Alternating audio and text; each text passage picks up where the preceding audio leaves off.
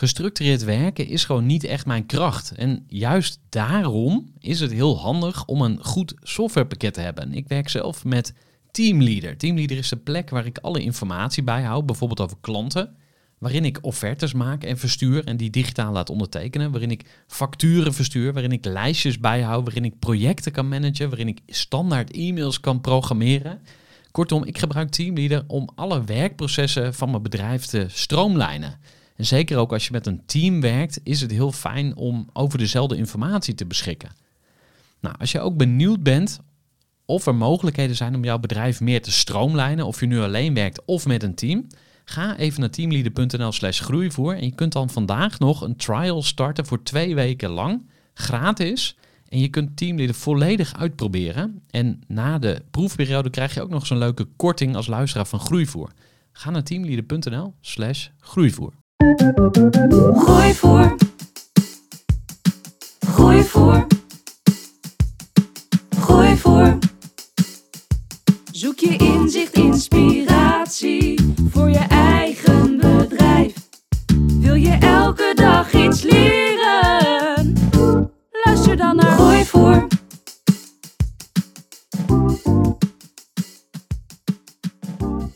foto van een niet spoedeisende kwaal naar je huisarts sturen. Super handig natuurlijk, want dan hoef je niet speciaal een afspraak te plannen en je kan wel direct geholpen worden. Het kan allemaal met Sandy, een app waar inmiddels 1 op de 5 huisartsenposten in Nederland gebruik van maakt en waar gemiddeld zo'n 10.000 patiënten per maand mee worden geholpen. Megan Oosterbaan is founder van Medilink en bedenker van Sandy, haar eerste succesvolle softwareproduct. En ze staat nog maar aan het begin van haar ondernemersavontuur. En ze is nu al in de Groeivel podcast. Hm. Megan, van harte welkom. Dankjewel. We gaan eerst eh, het vragenvuur op jou afschieten om je wat beter te leren kennen als, als mens. Hè, de persoon achter eh, de ondernemer. Mhm. Wie is je vader? Mijn vader, dat is Philip. Philip Oosterbaan. Dat is een man die zijn hele leven heel hard heeft gewerkt. En eh, op dit moment gaat het niet zo goed met zijn gezondheid. eh, maar hopelijk kan hij over niet zo heel lang lekker met pensioen. En eh, genieten van zijn oude dag. Oké. Wie Ja. is je moeder? Mijn moeder is een heel groot voorbeeld voor mij. Een hele hardwerkende vrouw. Heeft na, na voor mij nog twee zoons gekregen. Die allebei een stuk ouder zijn. En ze heeft toch het grootste gedeelte van de opvoeding in haar eentje gedaan. Naast dat zij echt wel een, eh, een goede carrière heeft opgebouwd. Eh, dus ja, hardwerkende vrouw en een onwijs voorbeeld voor mij. Ja, is zij ook een co-founder of ben jij enig aandeelhouder van het bedrijf? Komen we straks natuurlijk nog wel op. Maar, Ja, nee, dat, dat is ze niet. Eh, zij is wel sinds 1 oktober in dienst van Medilink. Aha, interessant. Ja. Nou, ook leuk om even over te hebben straks. Broers of zussen? Nou, je zei al twee broers. Ja. Eh, kom je uit een ondernemersfamilie? Ja, eigenlijk wel. Dat hebben we ons nooit zo gerealiseerd. Maar ehm, mijn oudste broer heeft een eigen bedrijf in de evenementenbranche. En verhuurt ja, niet alleen zichzelf, maar ehm, verkoopt ook meubilair eh, aan grote partijen. Bijvoorbeeld de Vanellenfabriek. En mijn andere broer heeft een eigen koffiebedrijf opgericht in Engeland. En dat is eigenlijk best wel heel erg groot. En dat beseffen wij ons niet altijd, omdat we niet in Engeland zitten. Maar eh, ja, als je het zo bekijkt, toch echt wel een ondernemersgezin. Ja. En eh, Ja. wat kreeg je dan bijvoorbeeld van huis uit mee? hard werken.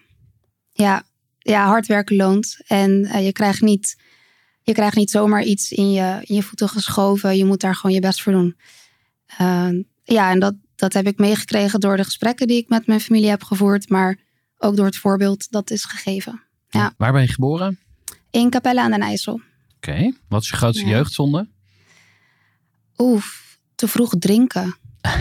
Vertel, hoe oud was je en wat dronk je? Oef, ja, ik was wel dertien toen ik al aardig in het glaasje kon kijken. Eh, ik was er vroeg bij. En dat, ehm, eh, achteraf gezien was dat niet een hele ehm, verstandige periode, als ik het zo mag zeggen. Hm. Ja, En weet je nog hoe het kwam? eh, ja, afleiding zoeken. Ja, afleiding zoeken van school. En ehm, ja, een, een vlucht of nou, in ieder geval eh, Ja. een uitlaatklep. ja, klopt. Ehm, is er iets waar je onzeker over bent? Oef.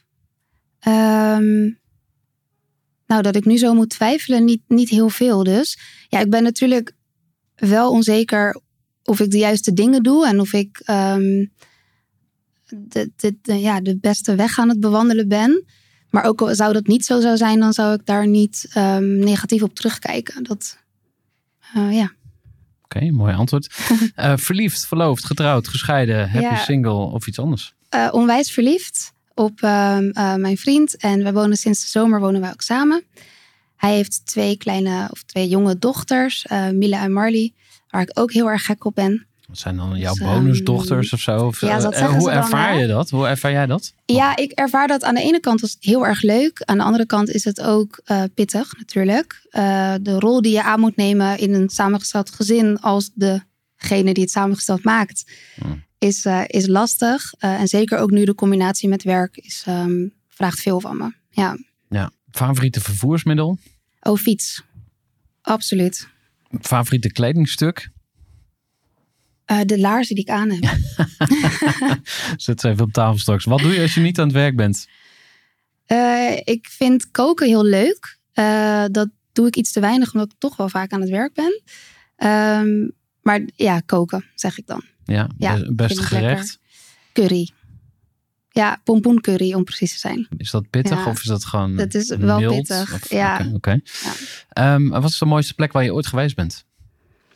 Ehm, ja, dat is een eh, eh, vulkaan geweest in Nicaragua, Ometepe. En niet omdat dat nou per se de mooiste plek op aarde is, maar wel omdat ik daar een soort mental breakdown heb, heb gehad. En eh, dus die plek, die herinnering is voor mij heel waardevol. En Ja. Die mental breakdown, wat was dat? We- Ja, dat was in ehm, 2017. En dat, ik had een periode achter de rug waarbij ik eh, net mijn baan had opgezegd. Ik ging verhuizen. Ik had eigenlijk niet heel veel geld. Eh, maar ik ging wel op reis naar Costa Rica en Nicaragua in mijn eentje. Voor het eerst. En toen ik dacht, nou nu heb ik toch geen baan meer, heb ik dat verlengd van twee weken naar vijf weken. Ehm, en deze, deze vulkaanbeklimming, dat was aan het einde van die, eh, van die trip, van die vijf weken. En eh, eigenlijk besefte ik me toen, het enige wat ik echt nodig heb, dat, dat is mezelf en me goed voelen. En dat er nog maar 11 euro op mijn rekening stond, dat vond ik dan eh, op dat moment eigenlijk helemaal niet interessant. Ja, Dus het was wel een breakdown in positieve zin dan. ja absoluut. Ja. Geloof je in een god of iets wat daar blijkt? Nee. Waar nee. geloof je wel in? Ehm, in de kracht van jezelf. Laatste vraag van het vragenvuur. Waar Mhm. droom je nog van? Wat, eh, wat staat op je bucketlist? Wat zou je nog heel graag willen meemaken? Eh, bedoel je dan zakelijk of eh, in mijn privé? Ehm, mag je zelf kiezen. zelf kiezen. Ehm, nou, dit, dit klinkt misschien helemaal niet ambitieus, maar ik zou heel graag gewoon een heel mooi eigen huis hebben. Met een prachtige keuken en een mooie tuin waar ik heel veel familie en vrienden kan ontvangen. Ja, Mooi. Mooi. dat is wel iets wat ik heel graag wil. We gaan naar ehm, eh, jouw verhaal. En ik ga je eerst wat eh, eh, een beetje beter voorstellen nog. We hebben eh, ja, nu echt wel wat dingetje over jou gehoord. Eh, Ik Mhm. ga nog wat meer vertellen over je. En dan gaan we natuurlijk naar je ondernemersavontuur. Ja, is goed. Daar gaan we. Je deed het VWO en daarna de deeltijdstudie Management, Economie en Recht. En ongeveer een anderhalf jaar na je studie begon je Medilink. Samen met je moeder verzon je Sandy, de app waarmee je op een veilige manier foto's kan sturen naar je huisarts. Simpel idee, maar een flinke uitdaging om zoiets technisch goed en veilig te bouwen. Er kwam een grote ICT-partij op je pad die je bedrijf wel wilde kopen. Vanaf dat moment kwam jouw succes in een stroomversnelling. Hoe dat precies gegaan is, dat horen we straks. Mhm. Inmiddels heb je een team van vijf mensen in dienst bij Medelink. En sta je, staan jou waarschijnlijk nog veel mooie ondernemersavonturen te wachten. En ik wil je heel graag uitnodigen om ons eh, mee te nemen naar het allereerste begin. We gaan Ja. aan het wiegje staan van Medelink. hoe, eh, hoe is het bedrijf geboren? Ehm, nou, dat, dat was op een eh, zomerse middag in 2018. En natuurlijk had ik in de maanden daarvoor het wel vaker met mijn moeder over de manier waarop zij haar werk deed op de huisartsenpost. En ook over de frustratie die wij allebei hadden dat patiënten maar voor elk wisselwasje naar de post willen komen of een, eh, ja, een consult willen bij een huisarts, terwijl dat eigenlijk helemaal niet nodig is. En daar hadden we het steeds vaker over van joh, wat vervelend voor je en voor die artsen en kunnen we daar nou niet iets aan doen? toen dus op die zomerse middag in 2018 zijn we echt samen in de tuin gaan zitten. En hebben we gezegd, we gaan gewoon niet weg voordat we een oplossing hebben voor het probleem dat jij dagelijks hebt. En twee uur later was eigenlijk Medilink uh, ontstaan. En dat is een combinatie geweest van de praktijkervaring van mijn moeder en de ja, inmiddels theoretische, misschien praktische of um, uh, bedrijfskundige ervaring die ik had opgedaan bij het werk dat ik destijds deed. Um, en dat was ook een softwarebedrijf. En wij maakten een uh, systeem voor ziekenhuizen en revalidatiecentra. Aha. Ja, dus, dus je zat al een beetje in die IT-hoek, maar je had al een beetje aangeroken. En had je ook al het idee om, om echt ondernemer te worden, om er een bedrijf van te bouwen? Of had Nee. het ook een stichting kunnen zijn of een vrijwilligersinitiatief of whatever? Nee, dat had echt alle kanten op kunnen gaan. Dat had Mhm. zelfs nog onder de, eh, de vleugels van ehm, mijn werkgever destijds eh, gekund. Maar uiteindelijk is het zo gelopen dat ik ehm, eh, toch naar de KVK ben gestapt. Hm. En dat heb ik gedaan in maart 2020. Oké. Ja. En welke stap heb je vanaf dat moment gezet? Want je gaat dan, want het is een IT-product, hè? Je hebt Mhm. een app gemaakt. Eh, die moet gebouwd worden. Die, die ontstaat Ja. niet vanzelf. Hoe, hoe is dat dan gegaan? Nou, dat is heel organisch gegaan eigenlijk omdat een kennis van mijn moeder eh, software developer is. Hm. Hij hoorde van dit idee en bood zich aan om een pilot te, te bouwen voor, eh, voor mij. Ehm, maar 10 maart 2020 heb ik me ingeschreven en vijf dagen later kwam corona in, ons, eh, nou ja, in onze wereld. Eh, dus het, het plan dat ik voor me had liggen qua strategie en ik ga langs bij de huisartsen en ik, nou ja, dat viel eigenlijk compleet in duigen, omdat natuurlijk overal de deuren gewoon potdicht zaten. Ja. Eh, dus die pilot die hebben we toen wel gemaakt samen met die developer. En die is toen ook twee maanden later wel in gebruik genomen door mijn eigen huisarts, eh, die het een heel goed idee vond.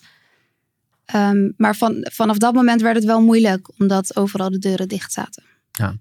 Dus was corona dan belemmering voor jullie? Of, Ja. Want eh, spreken we als ondernemer. Zeg, eh, ik had vanmiddag ook een gesprek met de ondernemer. Die zei: ja, het was mijn grootste blessing, zeg maar. Maar bij Ja. jullie was het een belemmering. Dus je kon niet langs. Nee, nee. Kijk, Sandy is natuurlijk een e-health applicatie en het faciliteert zorg op afstand. Ehm, en als ik een half jaar of een jaar eerder was geweest, dan was corona voor mij ook een blessing geweest. Maar op het moment dat, het, dat corona begon, had ik nog geen naamsbekendheid. Ik had geen klanten, ik had nog geen product. Ja. Eh, dus dat, het maakt het eigenlijk heel veel moeilijker. Ehm, ja, wat, wat me fascineert, zeg maar, is van je hebt een idee. En dat het je dan lukt om het van de grond te krijgen. Want ik zou zeggen, in die e-health eh, space, zeg maar, daar, daar is al ontzettend veel aanbod. Er zijn al heel veel spelers. Ja. Ehm, ik heb, ik zeg, ik zeg wel eens voor de grap van, als ik een euro kreeg voor iedere keer dat ik een goed idee had, dan, dan was ik miljonair geworden. Ja, Hè, dus, eh, maar een idee aan zich, daar heb je helemaal niks aan. Je, moet- je moet het ook echt gaan doen en dan moet je het nog succesvol krijgen. Dus eh, jij zegt van oké, ik had die developer, die, die kwam op mijn pad of die was er. Ja. Eh, hoeveel uur moest hij dan... ah, het was een man, hè? Ja, het was een Eh, man, die, ja. eh, hoeveel uur man. moest hij dan programmeren voordat er een, een soort eh, minimum viable product, een eerste versie stond? Ja, dat, dat viel eigenlijk wel mee hoor. Hm. Ik denk dat hij dat in twee weken al best wel goed voor elkaar had. Ja, maar echt een, echt een MVP. Ehm, die we toen ook best wel snel hebben kunnen ja, in gebruik laten nemen als pilot bij, eh, bij de huisarts. Maar we zijn nu drieënhalf jaar later of, of verder. En daar zitten nu wel echt. Dus ik heb nu twee fulltime developers werken aan het product om het veilig te houden en om het te, ja, door te ontwikkelen. Ja. Eh, en je zei net, je hebt een, inderdaad, je hebt een idee nodig. Eh, en ik denk bij mij dat het een goed idee is geweest, omdat het zo vanuit de praktijk is ontstaan. Het is echt ontstaan vanuit een probleem waar artsen en assistentes en triagisten elke dag tegenaan lopen. Ja. En dat gaf me wel, dat gaf me vertrouwen dat ik ermee door kon gaan, dat, ik, dat er iets in zat. Ja, zullen we dat eens uitdiepen? Want welk Mhm. probleem los je eigenlijk op? Ja, het probleem dat de toch wel de Nederlandse bevolking, de patiënten, steeds veel eisender worden. En eh, de zorgvraag neemt onwijs toe in de eerste lijn zorg. En de druk op de huisartsensector is, is heel hoog op het moment. Je hoort van alle kanten hoor je, ja, hoor je dat er problemen zijn in die sector. Ja, en om, om- vanwege te hoge werkdruk, te weinig personeel. En als je daar dan een steeds veel eisendere patiënt tegenover zet, dat, dat Dus de vraag neemt toe, ja, eh, maar de en het aanbod capaciteit... neemt af. Ja, Ja, ja. klopt. En daar moet je dus uh, slim in zijn door efficiënter te gaan werken. En je kunt wel denken, ik ga de patiënten opvoeden en ze moeten niet voor elk wisselwasje naar de praktijk bellen of, of een zorgvraag indienen. Maar het is een 24-7 samenleving. En als ik boodschappen nodig heb, dan staan ze binnen 20 minuten op de deur. En dat is wat patiënten ook verwachten van zorg, van artsen. Ja, en dan kan je dus een foto sturen of een filmpje of zo. En dan dat kan ook gewoon via e-mail of WhatsApp of zo. Eh, je kan ook andere dingen inzetten, maar dat mag waarschijnlijk niet of zo. Of, uh, nee, hoe zit dat? Nee, klopt. Nou, als we het dan over een blessing hebben, dan is de AVG-wetgeving die in uh, mei 2018 in werking is getreden voor mij dan wel een blessing. Ik ken weinig ondernemers die blij zijn met de AVG, maar je, je hebt ja. ervan geprofiteerd. Vertel verder. Ja, eigenlijk, eigenlijk wel, want zonder die wetgeving zou je inderdaad een fotootje ja, via WhatsApp of, of e-mail heel eenvoudig kunnen sturen. Ja. Maar het is goed dat die wetgeving er is en soms slaat het echt wel door. Maar in dit geval, je wil als patiënt, nou je had net het voorbeeld, een foto van je dochtertje. Ja. ja je wilt wel zeker zijn dat die in goede handen komt en dat, die, dat er veilig mee wordt omgegaan. Ja. Ja. ja, dus je maakt een foto van de billetjes van je dochter en je wilt niet mhm. dat die dan nee. God knows where belandt. Nee. Eh, ja, oké, eh, misschien een pedofiele netwerk is wat te uh, ver doorgedacht, maar Nee, maar... Het is hele privé-informatie. Dus als jij een snee in je vinger hebt, nou oké, whatever. Maakt niet uit wie dat ziet. Maar als het uh, private parts betreft, zeg maar, of ja. Nou, überhaupt, eigenlijk principieel wil je dat jouw uh, informatie over jouw gezondheid, dat die gewoon privé is. Zeker. En daar, daar vertrouw je jouw zorgverlener in. Ja. Um, als we het over WhatsApp hebben, kun je je voorstellen dat dus een doktersassistent via de telefoon jou een 06-nummer aan het geven is, waar je de foto naartoe kunt sturen ja, een verkeerd cijfertje opschrijven of verstaan is zo, die fout is zo snel gemaakt. En ik ken echt de verhalen waarbij er dus wel um, ja, privacy foto's uh, gewoon bij compleet verkeerde personen terechtkomen. Ja. ja. Hey, en um, ik begreep ook dat het nog niet zo uh, bij die zorgverleners ook nog niet helemaal soepel gaat of zo. Dat die dan toch, ook al weten ze dat niet mag, uh, via WhatsApp dingen, ja. foto's opvragen of uh, accepteren. Waar, waar, ja. Wat gebeurt er daar en waarom doen ze dat? Nou, ik, ik kan me heel goed voorstellen als doktersassistenten zijnde dat um, het is maandagochtend. Je hebt um, tien mensen die tegelijkertijd naar de praktijk bellen. En er zit iemand tussen die zegt, nou, ik heb een, um, of ik, ik denk dat mijn psoriasis is teruggekomen. Uh, mag ik daar weer een recept voor krijgen? Dan heeft die doktersassistente de keuze om diegene terug te sturen naar het patiëntenportaal. En dan kunnen ze daar een foto, ja, een e-consult indienen. Of ze laten de patiënt langskomen, maar dat is heel veel extra werk voor de huisarts. Dat wil je liever niet voor iets zoals dit. Dus dan gaan ze een foto opvragen. En dan is toch e-mail op dat moment wel de snelste manier. Als ze natuurlijk Sandy niet hebben. Ja, ja. Oké, dus daar is de Rescuing Angel ja. uh, van Sandy. En um, een vraag die bij mij net ook even boven kwam was van... Um, bestond dit niet al lang? Dat is natuurlijk een hele voor de hand liggende vraag. Maar... Ja, nee. Nee, en ik zeg vaak... Ik denk dat het idee uh, dat ik heb gehad zo simpel is, mhm. dat eigenlijk iemand anders altijd heeft gedacht, ja, dit bestaat al. Ja, ja um, ik denk dat dat het is. Ja, grappig. Maar ja, ook weer fascinerend hè, dat het dan in twee weken gebouwd is. Ik denk, ja, moet ja. toch minimaal een ton tegenaan om dat te bouwen, weet je wel. Ja, jij komt dus iemand tegen, die gaat het bouwen, die heeft een versie 1. Dat kun je gaan verkopen of zo. En dan... Nou, ik moet wel zeggen, dat? was echt wel een pilotversie. Mhm. Dus um, voordat we hem echt konden, konden gaan verkopen, waren we wel wat maanden verder. En niet dat hij fulltime heeft gewerkt daaraan. Um, maar ik denk dat ik geluk heb gehad, heb gehad met een goede uh, product designer. Um, en, en ja, en dat we hebben altijd als uitgangspunt gehad. Sandy moet zo eenvoudig zijn dat iemand er meteen mee kan gaan werken. Er is geen uitleg nodig. En als je dat als uitgangspunt houdt, dan is in principe ook hetgene wat je gaat bouwen altijd eenvoudig en altijd makkelijk. Ja. En we willen geen tierenlantijntjes, we willen geen um, invliegende knoppen of, of wat dan ook. Het moet gewoon werken. En iedereen moet er mee overweg kunnen. Ja. Die ja. Ehm, developer, is die nog steeds aan boord? Of, ja. Ja, oké. Heeft hij ook aandelen gekregen of zo? Of hoe ja. werkt dat? Ja. ja. die heeft wel een stukje aandelen gekregen. Ja, minority, majority? Nee, minority. ja, oké. En wie heeft de rest? Eh, ik en een eh, investeerder. Oké, je hebt ook een investeerder. Ja, Straks nog even wat, eh, wat verder over door. Ja. Ehm, en die naam, die fascineert mij ook wel. Want ik heb een, een, een, een ja, ik zou bijna zeggen, een obsessie met bedrijfsnaam. Maar in ieder geval vind ik het heel cool, zeg maar, als een naam gewoon klopt. Oké.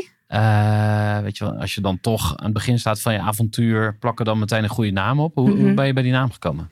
Bedoel je Medilink of Sandy? Sandy, ja, Medilink, honestly, heb ik minder gevoel Ja. bij of zo. Maar Sandy is gewoon, Ja. boom, spot on. Ja, je onthoudt het. Ja. En ehm, eh, ja, hoe die is ontstaan, hangt eigenlijk allemaal wel weer samen met het verhaal waar we het denk ik zo over gaan hebben. Ik was genoodzaakt om een nieuwe naam te bedenken. Dus eerst was alles Medilink. Eh, en toen moesten wij onze productnaam veranderen. En dat moest echt een merknaam worden die we kunnen beschermen. Aha, Ja, en eigenlijk heb ik met de nieuwe developer, dat is een, eh, een creatief brein, hebben we deze naam bedacht op een zondagavond met bier en pizza. wauw. Ja. Ja. En ehm, ja. En, en ging dat denkproces al eerder van start, zeg maar? Ja. Hoeveel, eh, Ja, ja, zeker. We hebben daar ook twee eh, externe marketeers eigenlijk voor, voor binnengehaald. Van ga ons helpen met die naam bedenken. Maar we vonden het niet goed genoeg. Mhm. Ehm, en toen uiteindelijk zeiden we, we moeten het gewoon zelf gaan doen. En dan heb je inderdaad een whiteboard en ga je allemaal Griekse en Latijnse namen opschrijven. En uiteindelijk kwamen we uit bij Send Information. Sandy. Even een korte onderbreking met een belangrijke vraag aan jou. Want wat heb jij geregeld voor het geval je van de ene op de andere dag zou komen uit te vallen? Wat gebeurt er dan met je bedrijf, maar vooral wat gebeurt er met jou persoonlijk en ook in financieel opzicht? Samen met ASR voerde ik drie openhartige gesprekken over tegenslag en veerkracht. En dat deed ik met Saskia, Vincent en Pieter. Ondernemers met een bloeiend bedrijf die van de ene op de andere dag niet meer konden werken. En die verhalen hoor je in aflevering 256, 257 en 258 van deze podcast. Als ondernemer wil je natuurlijk niet uitvallen. En daarom is het belangrijk dat je veerkrachtig bent, want voorkomen is beter dan genezen. En als het dan toch misgaat, is het fijn dat je iets geregeld hebt, zodat je weer snel door kunt met ondernemen. Wil je weten hoe veerkrachtig jij nu bent? Vul dan in twee minuten de veerkrachttest van ASR in. Ga naar asr.nl slash veerkrachttest ondernemers. Ja, Ja, heel goed. Nou, gefeliciteerd. eh, goed gedaan. dankjewel. Ja, ik herken er, ik, ik heb een rebranding gedaan. Want eh, mijn eerste bedrijf heette Mijn Student. En op een gegeven moment wilden we eh, na tien jaar een andere naam. Ik wilde na tien jaar een andere naam. Mhm. Eh, gingen we ook met een, een rebranding agency in, in zee. En ik kwam met allemaal namen. Ik dacht, pff, het is Ja. allemaal net niet, weet je wel. En een goede, een van mijn beste vrienden, die zei... Gerard, jullie zijn zo eager. Waarom noem je je bedrijf niet gewoon eager? En toen, toen dacht ik, ja, dat is het. Ja. Eager. En daar heb ik nog people aangeplakt. Dus het werd Eager People. Mhm. En recent heb ik een nieuw bedrijf eh, opgericht. Dat heet Eer Eer. En Eer Ja. Eer is een podcast agency. En ehm, Ja, cool. dat heeft ook drie maanden gekost om die naam te vinden. En we hadden ook eh, op een gegeven moment een naam. En toen zei iemand van ja, kies nou gewoon deze naam. Want eh, je moet door, weet je wel. Maar ik voelde hem gewoon niet. Ja, dat is het. Dat is het. Nou, dat hoor ik in jouw Op verhaal een terug. gegeven moment voel je hem. Ja. Ja. ja, zeker. En we hadden, ja, eer, eer is inderdaad ook iets wat ik heb onthouden. En eager people ook. En eh, we gingen ook een beetje testen door dus tegen mensen Sandy te zeggen. En mensen onthielden het. En ehm, natuurlijk, het wordt vaak wel geschreven met een A en een Y. Ja. Van Sandy. Het is ook een liedje van, toch? Van, eh, van Grease Ja, precies. Ja. Ja. Ja, nee, wij zijn, ja, wij zijn onwijs blij ermee. En ook heel blij dat het dus Europees beschermd is. Ja. Ja. Dus waar heb je dat laten doen? Ja, bij een, eh, we hebben een eh, merkbureau daarvoor ingehuurd. Weet je wel hoe ze heten? Of Ehm, oei, merk echt toevallig? nee. Oh, Oké, nou, die heb ik binnenkort Nee. in de podcast. Dus eh, Misschien dat ik er zo nog op kom. Dan kom Ja. ik op terug. Ja, een jaar Maar- geleden.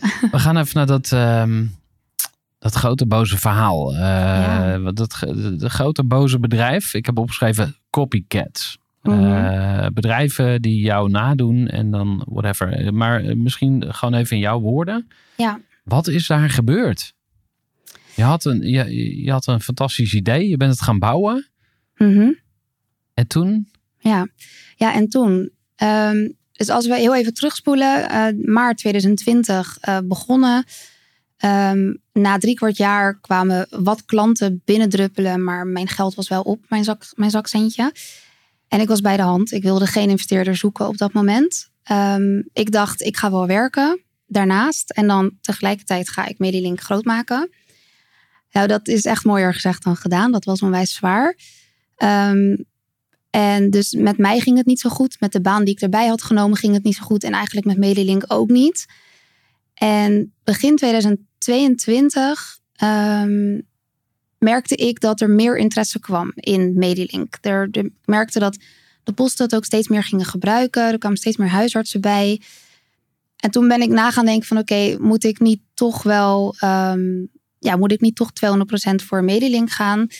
En dat is het moment dat ik benaderd werd door een, eh, ja, door een copycat. En ik was toen naïef, dat ben ik misschien nog steeds een beetje, maar toen echt nog wel heel erg. En ehm, eh, ik stapte in mijn auto en ik ging op gesprek met deze twee directeuren.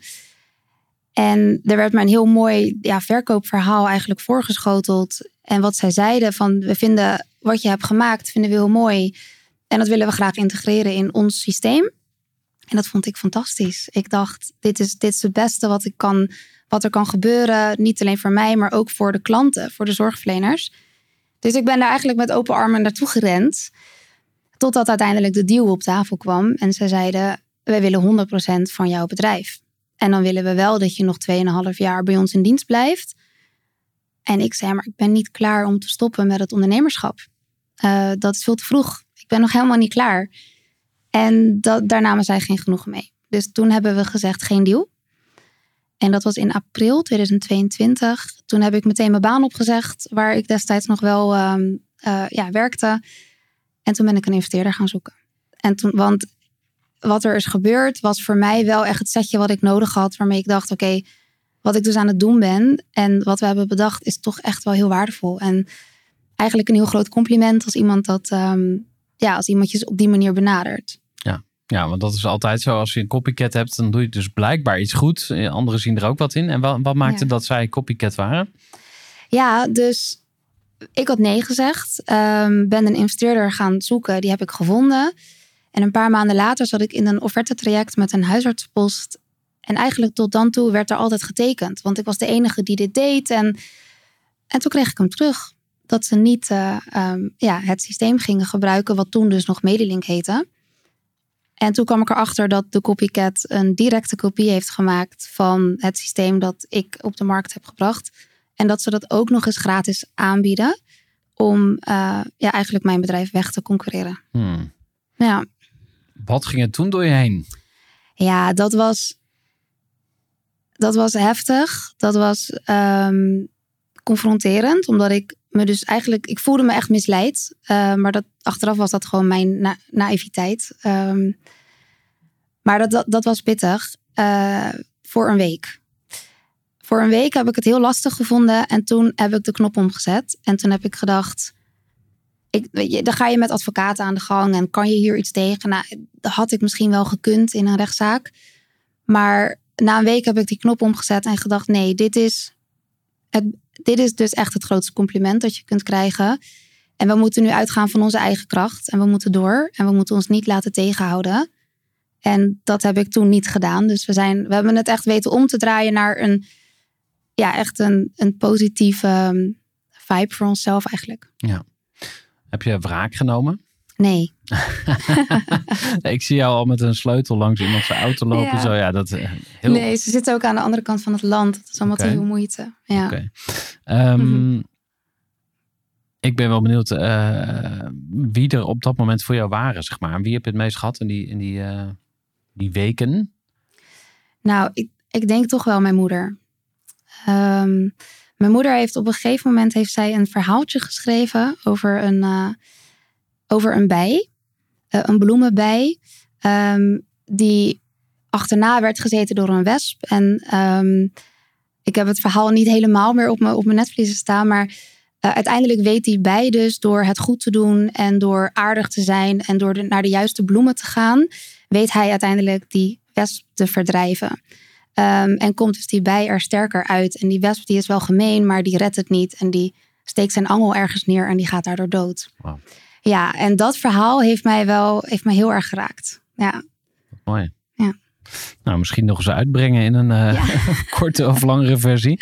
En je broers, want eh, dat is ook zo van, eh, ik heb een jonger zusje, dus als, maar, als er dan Ja. iemand mijn zusje wat wilde aandoen, dan, kwamen wij als broers ook nog even, Ja, die waren wel pissig. ja? Ja, die waren wel pissig. En mijn vriend natuurlijk ook. Maar ja wat, ja, wat ga je doen? En hoeveel energie is het je waard?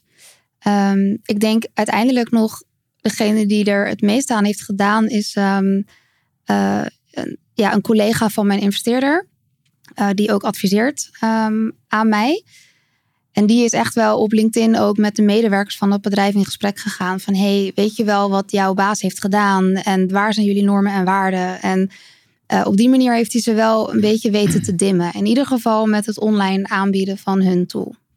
Ja, interessant. Ja, Ja, ik, voelde, me- ik voelde me gesteund wel door de Ja. mensen om me heen. Ja. Goed zo, en terecht. Mhm. Ehm, en wat heb je dan als grote les meegenomen? Je hebt nu eh, Sandy heel erg goed beschermd volgens mij. Eh, ja, Dat sowieso een no-brainer, of ja, is dat een Ja. no-brainer eigenlijk? Of nou, dat, dat was het voor mij dus niet. Zeker niet in het begin toen ik startte met mijn bedrijf. Eh, het, door wat er gebeurd is, heb ik echt onwijs geleerd over hoe je dus inderdaad je merk en je identiteit kunt, kunt beschermen. En hoe belangrijk het is om dat te doen. En bijvoorbeeld ook de naam Medilink is eigenlijk helemaal niet slim, want het zijn twee beschrijvende woorden. En iedereen kan zijn bedrijf eigenlijk of zijn product Medilink noemen. Ehm, en daardoor hebben we dus uiteindelijk ook gekozen voor Sandy, iets wat niks betekent en daarmee ook niet gekopieerd kan worden. slim? Dus dat, dat is misschien wel de grootste les, ja. Ja, Ja. zeker. Ja. Ik ben wel benieuwd, ook omdat jij zei van, hé, hey, ehm, dit is pas het eerste product. Mhm. Dus ga je dan, heb je dan een soort strategie van, oké, eh, we hebben nu één app gebouwd, maar we gaan een soort ecosysteem van apps nog toevoegen of zo? Of wat- wat is je beeld daarbij? Nou, daar hebben we wel ideeën over, maar er ligt nog geen strategie. Ehm, de strategie die er wel ligt, is om uit te gaan breiden naar België en Duitsland. Hmm. Ehm, en want dat, dat zijn markten die dichtbij zijn, maar die ook nog niet zo verzadigd zijn. Dus in Nederland lopen wij op innovatie echt enorm voor. Zeker in de zorg. Ehm, je kunt zeggen dat België misschien wel vijf jaar achterloopt. Eh, dus wij denken, als we het in Nederland goed doen, laten we dan eerst kijken hoe we het in, eh, in het buitenland doen. En eh, waarom Ja. die landen? Want Duitsland staat altijd ter discussie als de zeg maar, groeiondernemers, die zijn ook altijd een beetje bang voor Duitsland. Ja. Dat het een beetje onderschat wordt om daar uit te rollen. Ja, nou wij hebben een eh, student laten afstuderen bij ons. En die heeft onderzoek gedaan naar de meest geschikte landen in de nabije omgeving. eh, in West-Europa. En daar kwamen Duitsland en België als eh, nummer 1 en 2 uit. En dan is Duitsland misschien inderdaad qua wetgeving wat, wat ingewikkelder. Maar de markt daar is natuurlijk gigantisch groot. Hoe is jouw Duits? Niet zo goed. Oké, hoe ga je Nee. dat eh, fixen? of eh, gaat iemand anders dat fixen? Wat, eh, ja, het hoe idee, zou dan, uit? het idee zou dan wel zijn om in dat land een vestiging te openen waar iemand anders eh, de leiding zeg maar, overneemt. Ehm, of de, de leiding krijgt. Want ik denk dat de zorgsector zeker is, is best wel een niche. En je moet de juiste mensen kennen en je moet daar gewoon fulltime mee bezig zijn. En ik zie mijzelf dat niet doen vanuit Nederland. Ja. En dan zou ik moeten verhuizen naar Duitsland, maar daar ben ik veel te gek Ja. voor op Rotterdam. Dus dat ga ik niet doen. Dat gaat niet gebeuren. Nee. Ehm, wat was je meest glorieuze moment tot nu toe? En wat vond je het zwaarst? Nou, mijn meest glorieuze moment was wel huisartspost Rijnmond binnenhalen als, eh, als klant. Omdat dat de huisartspost is waar het voor mij is begonnen als klein meisje. Eh, mijn moeder heeft daar als locatiemanager de post opgericht. En het was voor mij een droom om daar met mijn, ja, met mijn software dus eh, eh, binnen te komen. En op het moment dat ik daar net een pilot voor elkaar had gekregen, kwam dus die copycat met hun gratis versie op de markt. En zij zijn dat toen nog gaan vergelijken. Dus ze hebben twee pilots gedraaid en hebben toen gekozen voor Sandy. Ja, dat was voor mij wel een eh, moment waarop ik een traantje wegpikte. Dus ja, die. En je andere vraag was? Het zwaarste moment dat je echt dacht van ik gooi de handdoek in de ring. Want Een jaar geleden ongeveer kwam die copycat op de markt. Eh, toen hebben we onze naam veranderd naar Sandy als product. Een week later kwam er een andere partij op de markt met ook een nieuwe bedrijfsnaam en productnaam. Precies in dezelfde doelgroep. En die leek heel erg op de naam Sandy. Eh, echt bijna identiek. En dat was zeven dagen nadat wij onze nieuwe naam hadden ge- gelanceerd. Eh, dat was een tegenvaller. En vijf dagen later hoorde ik dat ik het kantoor moest verlaten, waar wij toen net een half jaar in zaten.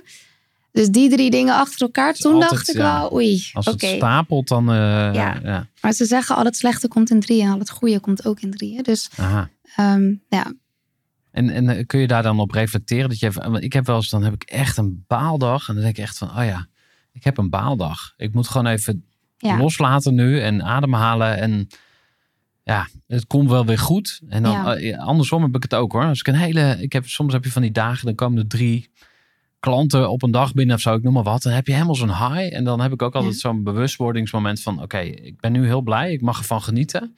Maar ik weet dat er ook weer een, weet je wel, dus het komt Mhm. altijd een golfbeweging. En Hoe, Ja. hoe is dat voor jou?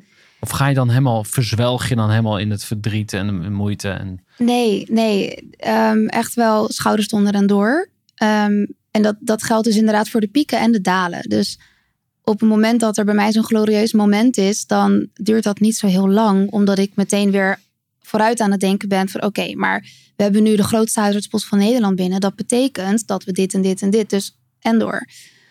En datzelfde heb ik als er iets negatiefs gebeurt, dan, dan ga, kan ik hem best wel snel omschakelen naar oké, hoe gaan we hier iets uithalen en wat ik me steeds meer bewust aan het worden ben, en dat is wel iets nieuws van het afgelopen jaar, is dat hoe ik me opstel, reflecteert zo enorm op het team.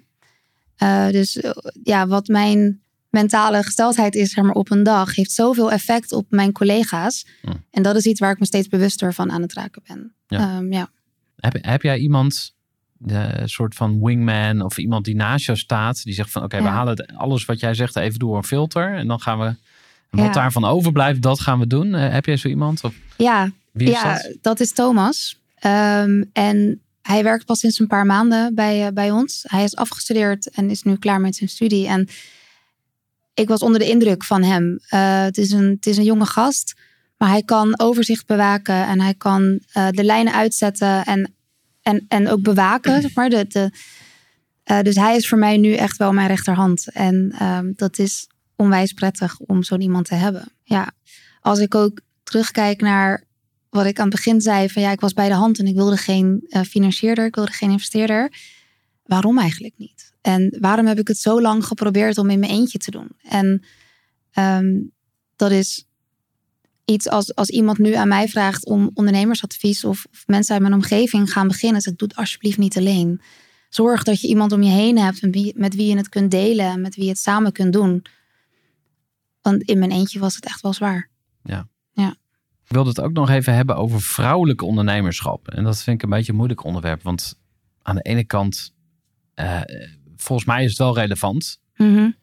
eh, dat je een vrouw bent en, en hoe je dan onderneemt. Daar ben ik gewoon heel benieuwd naar. Aan de andere kant is het een beetje stigmatiserend van ja, waarom zou het relevant zijn Mhm. eh, dat je een vrouw bent? Maar hoe kijk, Misschien daar even beginnen van hoe relevant is het volgens jou?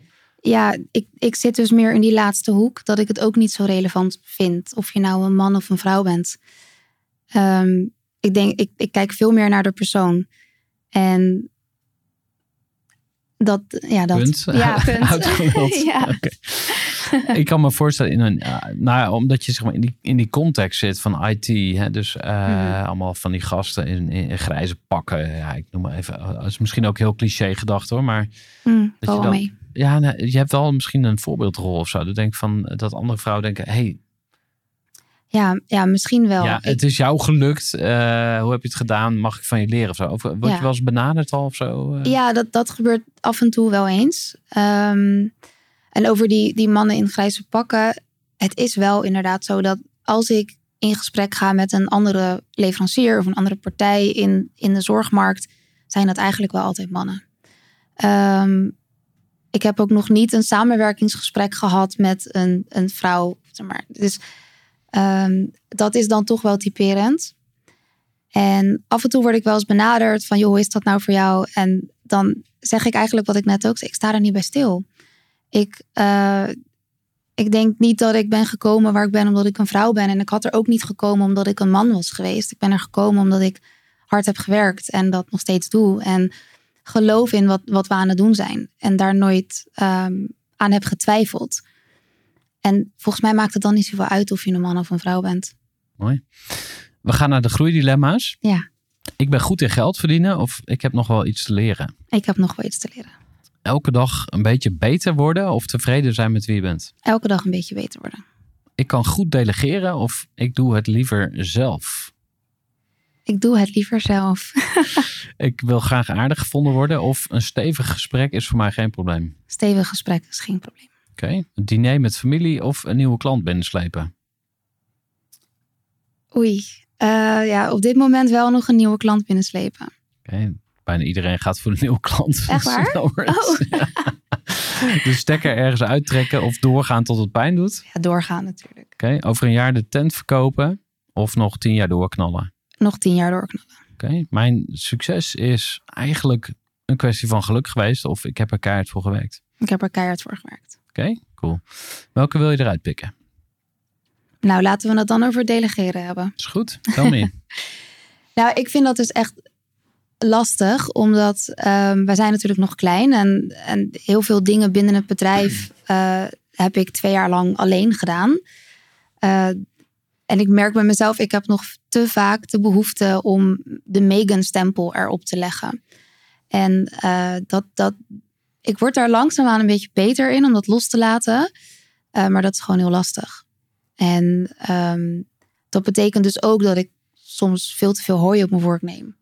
Want als ik het gewoon goed zou vinden als hoe de, hoe de rest het heeft gedaan of iets, dan zou dat voor ons allemaal denk ik wel beter zijn af Ja. en toe. Ja. En, en wat voor hooi eh, kan je eigenlijk wel delegeren, zeg maar? Of wat, wat voor hooi ligt er dan op jouw eh, vork?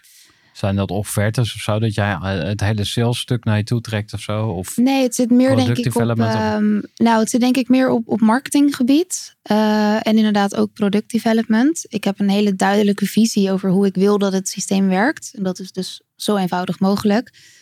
En ik merk dat ik daar nog wel heel erg bovenop zit en wil zitten wel. Eh, en op marketinggebied is het, ehm, ja, er gebeurt zoveel in een, in een week.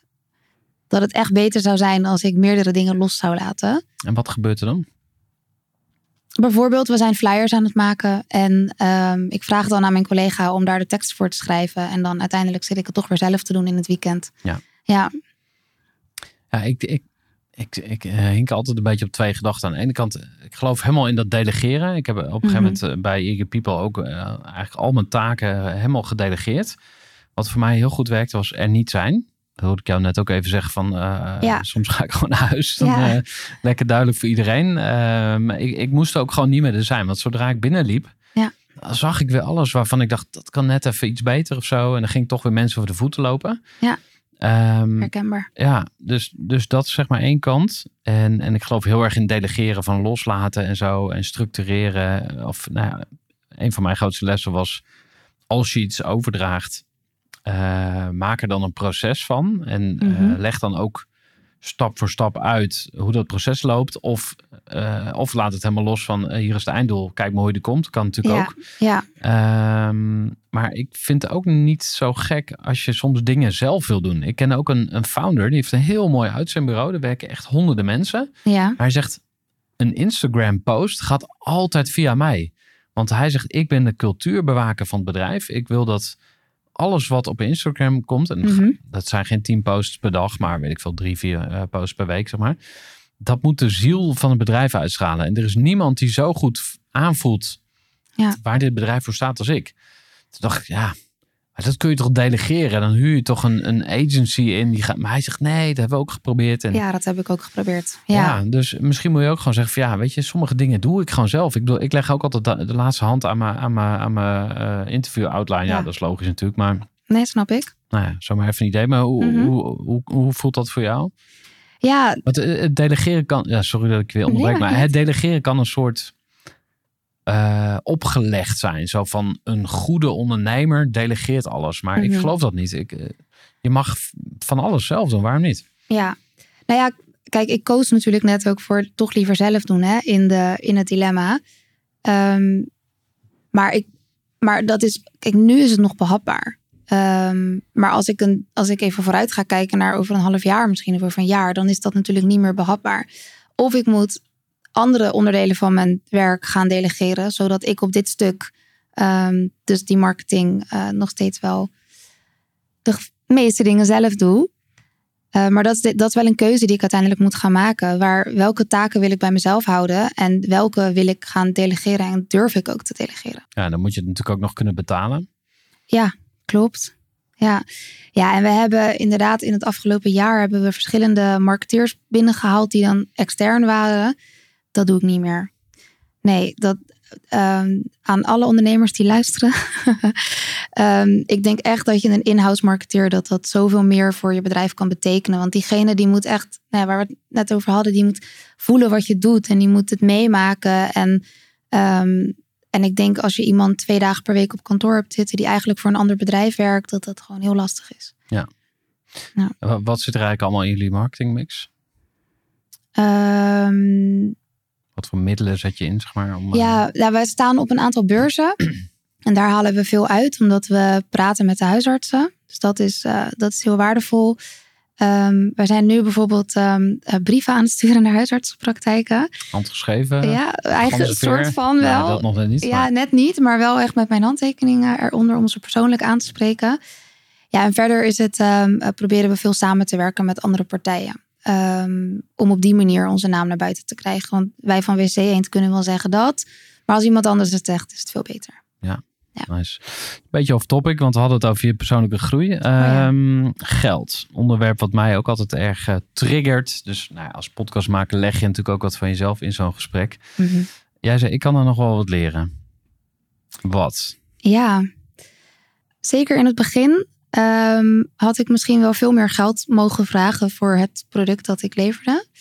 Uh, daar ben ik veel te bescheiden in geweest. En dat achtervolgt je natuurlijk. Um, en inmiddels hebben we dat wel op de rit, zeg maar, qua, qua prijsmodel. Um, maar als ik reflecteer op die eerste periode, was ik daar veel te, veel te aardig, veel te bescheiden. En niet commercieel genoeg. Um, dus daar heb ik een deel al in geleerd, maar er zijn nog wel wat stappen te, stappen te zetten. Welke? Ja, Um, ja, beter budgetteren, beter vooruitkijken. En uh, toch soms wel minder aardig zijn voor de klant. Aha. Ja. En wat gaat daar dan uh, ja, mis, wil ik niet zeggen, maar mm. wat zou er mis kunnen gaan, zeg maar? Nou, het is ja, bijvoorbeeld als een, uh, als een klant een wens heeft, dan, en ik vind dat zelf ook een goed idee, dan denk ik, oh, dan gaan we dat toch doen.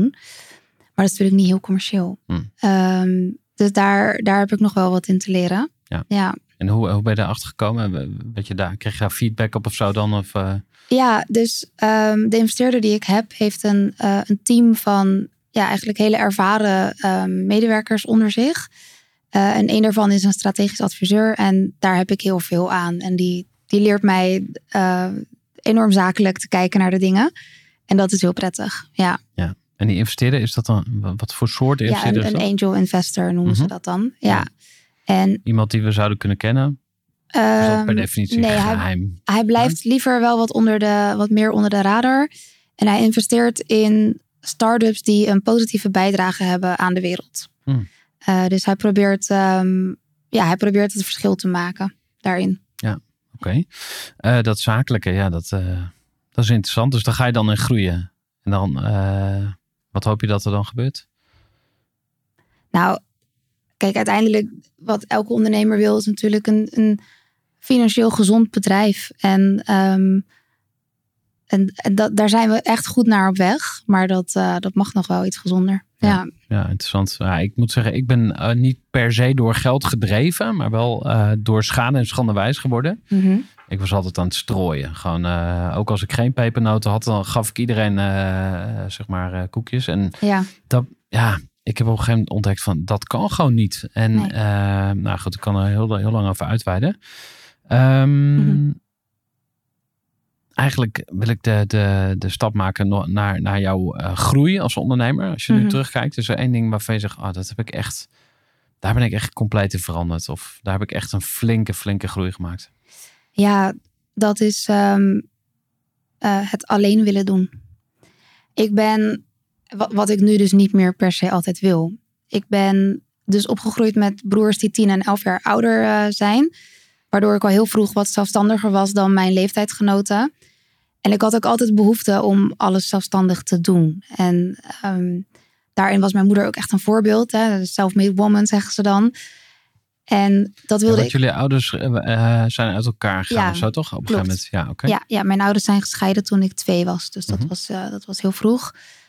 Ehm, en mijn ouders waren allebei niet rijk. Dus ik heb altijd alles wel eigenlijk zelf moeten doen. En eh, daarom ben ik ook na mijn VWO ben ik eh, meteen fulltime gaan werken. En heb ik daarnaast dus de opleiding gedaan. Omdat ik voor mezelf wilde zorgen. En toen ik mijn bedrijf oprichtte, wilde ik dat nog steeds. Wilde ik nog steeds alles zelf doen en in mijn eentje voor elkaar krijgen. Een soort overlevingsgedrag of zo, kan ik het zo Ja, framen? Of, Ja, misschien wel. En, en eerlijk gezegd ook wel een bepaalde trots, denk ik. Van ik heb het tot nu, tot nu toe altijd in mijn eentje gedaan. Dus waarom gaat me dit niet ook in mijn eentje lukken? Maar dat kon niet. Dat, dat, ehm, dat, dat, dat was veel te hoog gegrepen, eigenlijk. Ja. Dus als ik daar nu op terugkijk, wat ik daaraan ontwikkeling heb doorgemaakt, is echt wel dat ik nu besef dat je, dat je veel beter af bent als je de juiste mensen om je heen verzamelt. En als je om hulp durft te vragen. En ehm, ook erkent dat er dingen zijn waar je niet goed in bent. Ja. Ja. en wa- wat is jouw zwakste... Oh, administratie. ja, ja.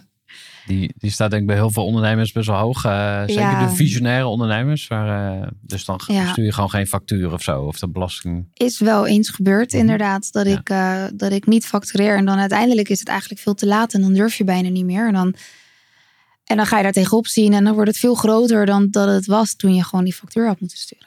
Dat, ehm, daar ben ik wel wat beter in, in aan het worden. En daar heb ik tools voor en systemen voor ontwikkeld inmiddels. Ja. Ja, Doe je ook dingen om up-to-date te blijven als ondernemer? Eh, lees je boeken of luister je podcast of eh, dat soort dingen? Of leer je gewoon vooral in de praktijk? Hoe, hoe ziet dat er bij jou uit? ik leer toch wel vooral in de praktijk, eigenlijk. Ehm, ik ben niet echt een, eh, een boekenlezer. En als ik dat wel doe, dan is dat gewoon voor, eh, voor ontspanning. Ehm, ik, waar ik wel veel uithaal, is dat ik met andere ondernemers veel in gesprek ga. Eh, nog niet via die netwerken of, eh, of borrels of iets dergelijks. Maar ik ben wel iemand die graag praat. En eh, die om hulp vraagt of dingen bespreekbaar maakt. En, en daar leer ik heel veel van. Ik zit ook met mijn kantoor in het Groothandelsgebouw. En dat is, ja, daar zitten honderden bedrijven in. met dezelfde schaalgrootte als Medilink. Dus daar, daar leer je heel veel, veel van. En eh, kun je er eens een uitpikken? Is er een eh, ondernemer waarvan je zegt, oh, die heeft me echt wat gebracht? Nou, andersom zou ook kunnen natuurlijk. Maar... Ja, nou wat ik een leuk voorbeeld vind is eh, de oprichters van Breeze. De dating app. Aha, Die ken je denk ik wel. Dat die is, app, ja, die, die Ja. adverteren ook in Ja. spot of in op podcast en zo. Breeze. Oké, kan wel, ja. ja, ja. Ja, dat zijn, dat zijn jonge ondernemers en enorm gedreven. En die app, dat is dus dat je natuurlijk meteen een drankje gaat doen met iemand voordat je in eh, eindeloze chatgesprekken raakt. En ze hadden, laatst hadden ze ook een stunt waarbij zij dus zelf bij de rechter aan de bel hebben getrokken en hebben gezegd: joh, de software die wij hebben gemaakt en de manier waarop wij dus ehm, onze app aan het ontwikkelen zijn, zijn wij nou aan het discrimineren of zijn we dat niet? En dat hebben ze echt wel bij een hoge rechter hebben ze dat gevraagd om op die manier.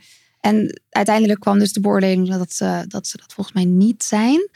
Uh, maar dat vond ik een hele goede marketing stunt. En als ik deze um, ja, mannen en vrouwen op kantoor zie lopen en ik zie ze brainstormen, denk ik, ja, dat is gewoon heel tof dat je dat met zo'n klein team allemaal voor elkaar krijgt. En um, iedereen in Nederland, volgens mij, van onze leeftijd kent Bries. Dus ja, dat, dat is Onze leeftijd? Ja, nou ja, 40, onze generatie. onze generatie. Jij bent net iets jonger dan ik. Uh, ja, dat klopt, sorry. Ja. Ja, dat is een compliment voor jou. Nou, dank je.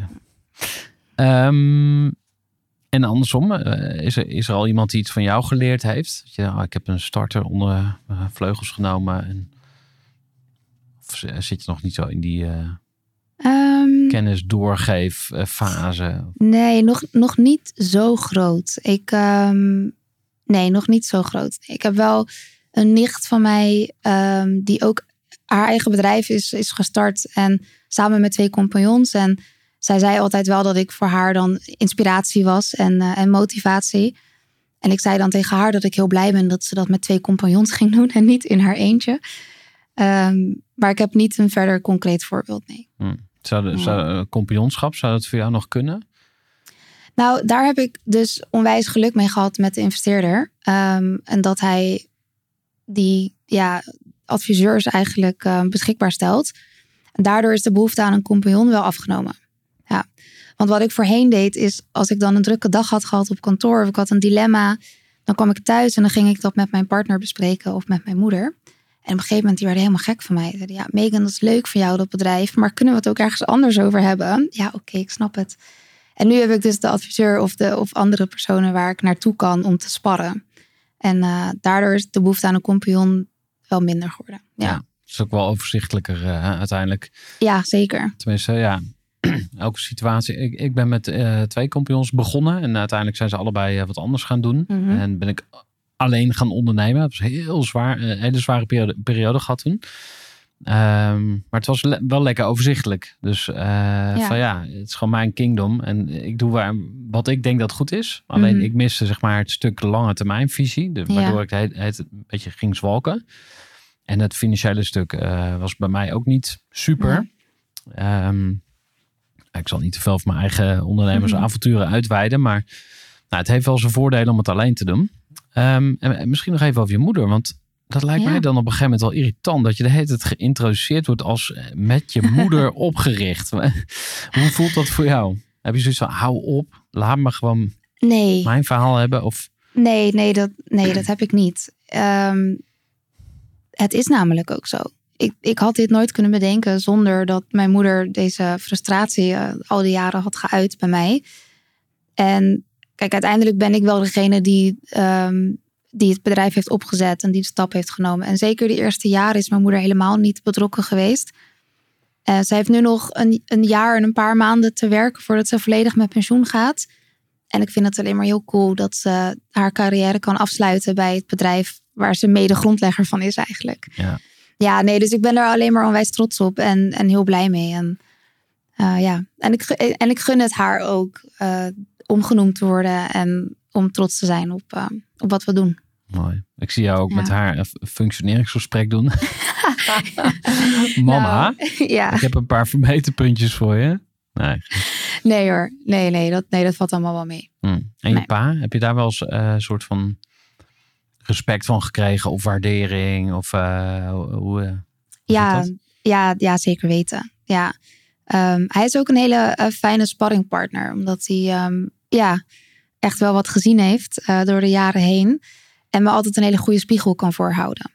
En uh, dat, dat is fijn om dat te kunnen vinden bij, uh, bij je ouders. Ja. ja. We gaan uh, naar het einde van het gesprek. Oh, ik wil nog even met je vooruitblikken. Wat, wat ja. hoop je nog te bereiken? Nou, wat ik net al even aanhaalde, is dat ik heel graag wil dat, ehm, dat Sandy niet alleen in Nederland gebruikt wordt, maar ook in, ook in het buitenland.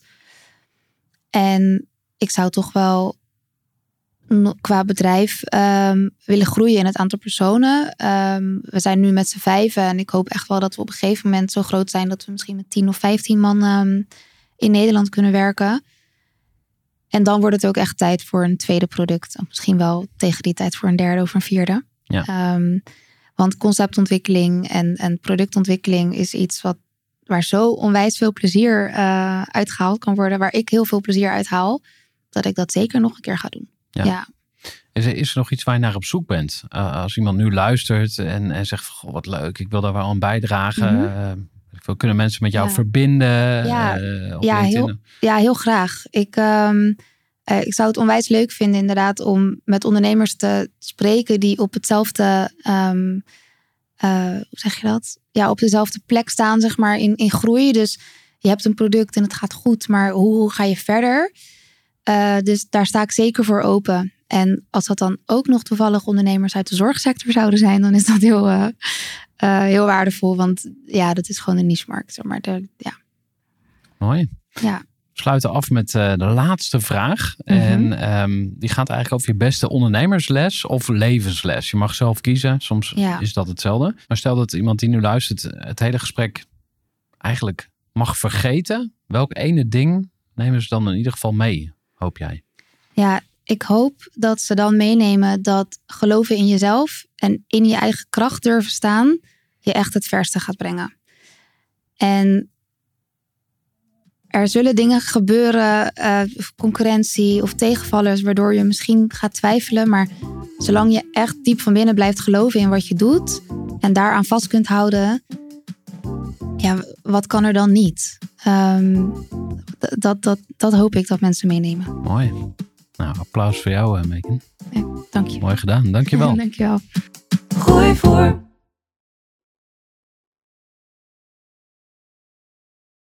Gestructureerd werken is gewoon niet echt mijn kracht. En juist daarom is het heel handig om een goed softwarepakket te hebben. Ik werk zelf met Teamleader. Teamleader is de plek waar ik alle informatie bijhoud, bijvoorbeeld over klanten. Waarin ik offertes maak en verstuur en die digitaal laat ondertekenen. Waarin ik facturen verstuur, waarin ik lijstjes bijhoud, waarin ik projecten kan managen, waarin ik standaard e-mails kan programmeren. Kortom, ik gebruik Teamleader om alle werkprocessen van mijn bedrijf te stroomlijnen. En zeker ook als je met een team werkt, is het heel fijn om over dezelfde informatie te beschikken. Nou, als je ook benieuwd bent of er mogelijkheden zijn om jouw bedrijf meer te stroomlijnen, of je nu alleen werkt of met een team, ga even naar teamleader.nl slash groeivoer en je kunt dan vandaag nog een trial starten voor twee weken lang, gratis. En je kunt Teamleader volledig uitproberen. En na de proefperiode krijg je ook nog zo'n leuke korting als luisteraar van Groeivoer. Ga naar teamleader.nl slash groeivoer.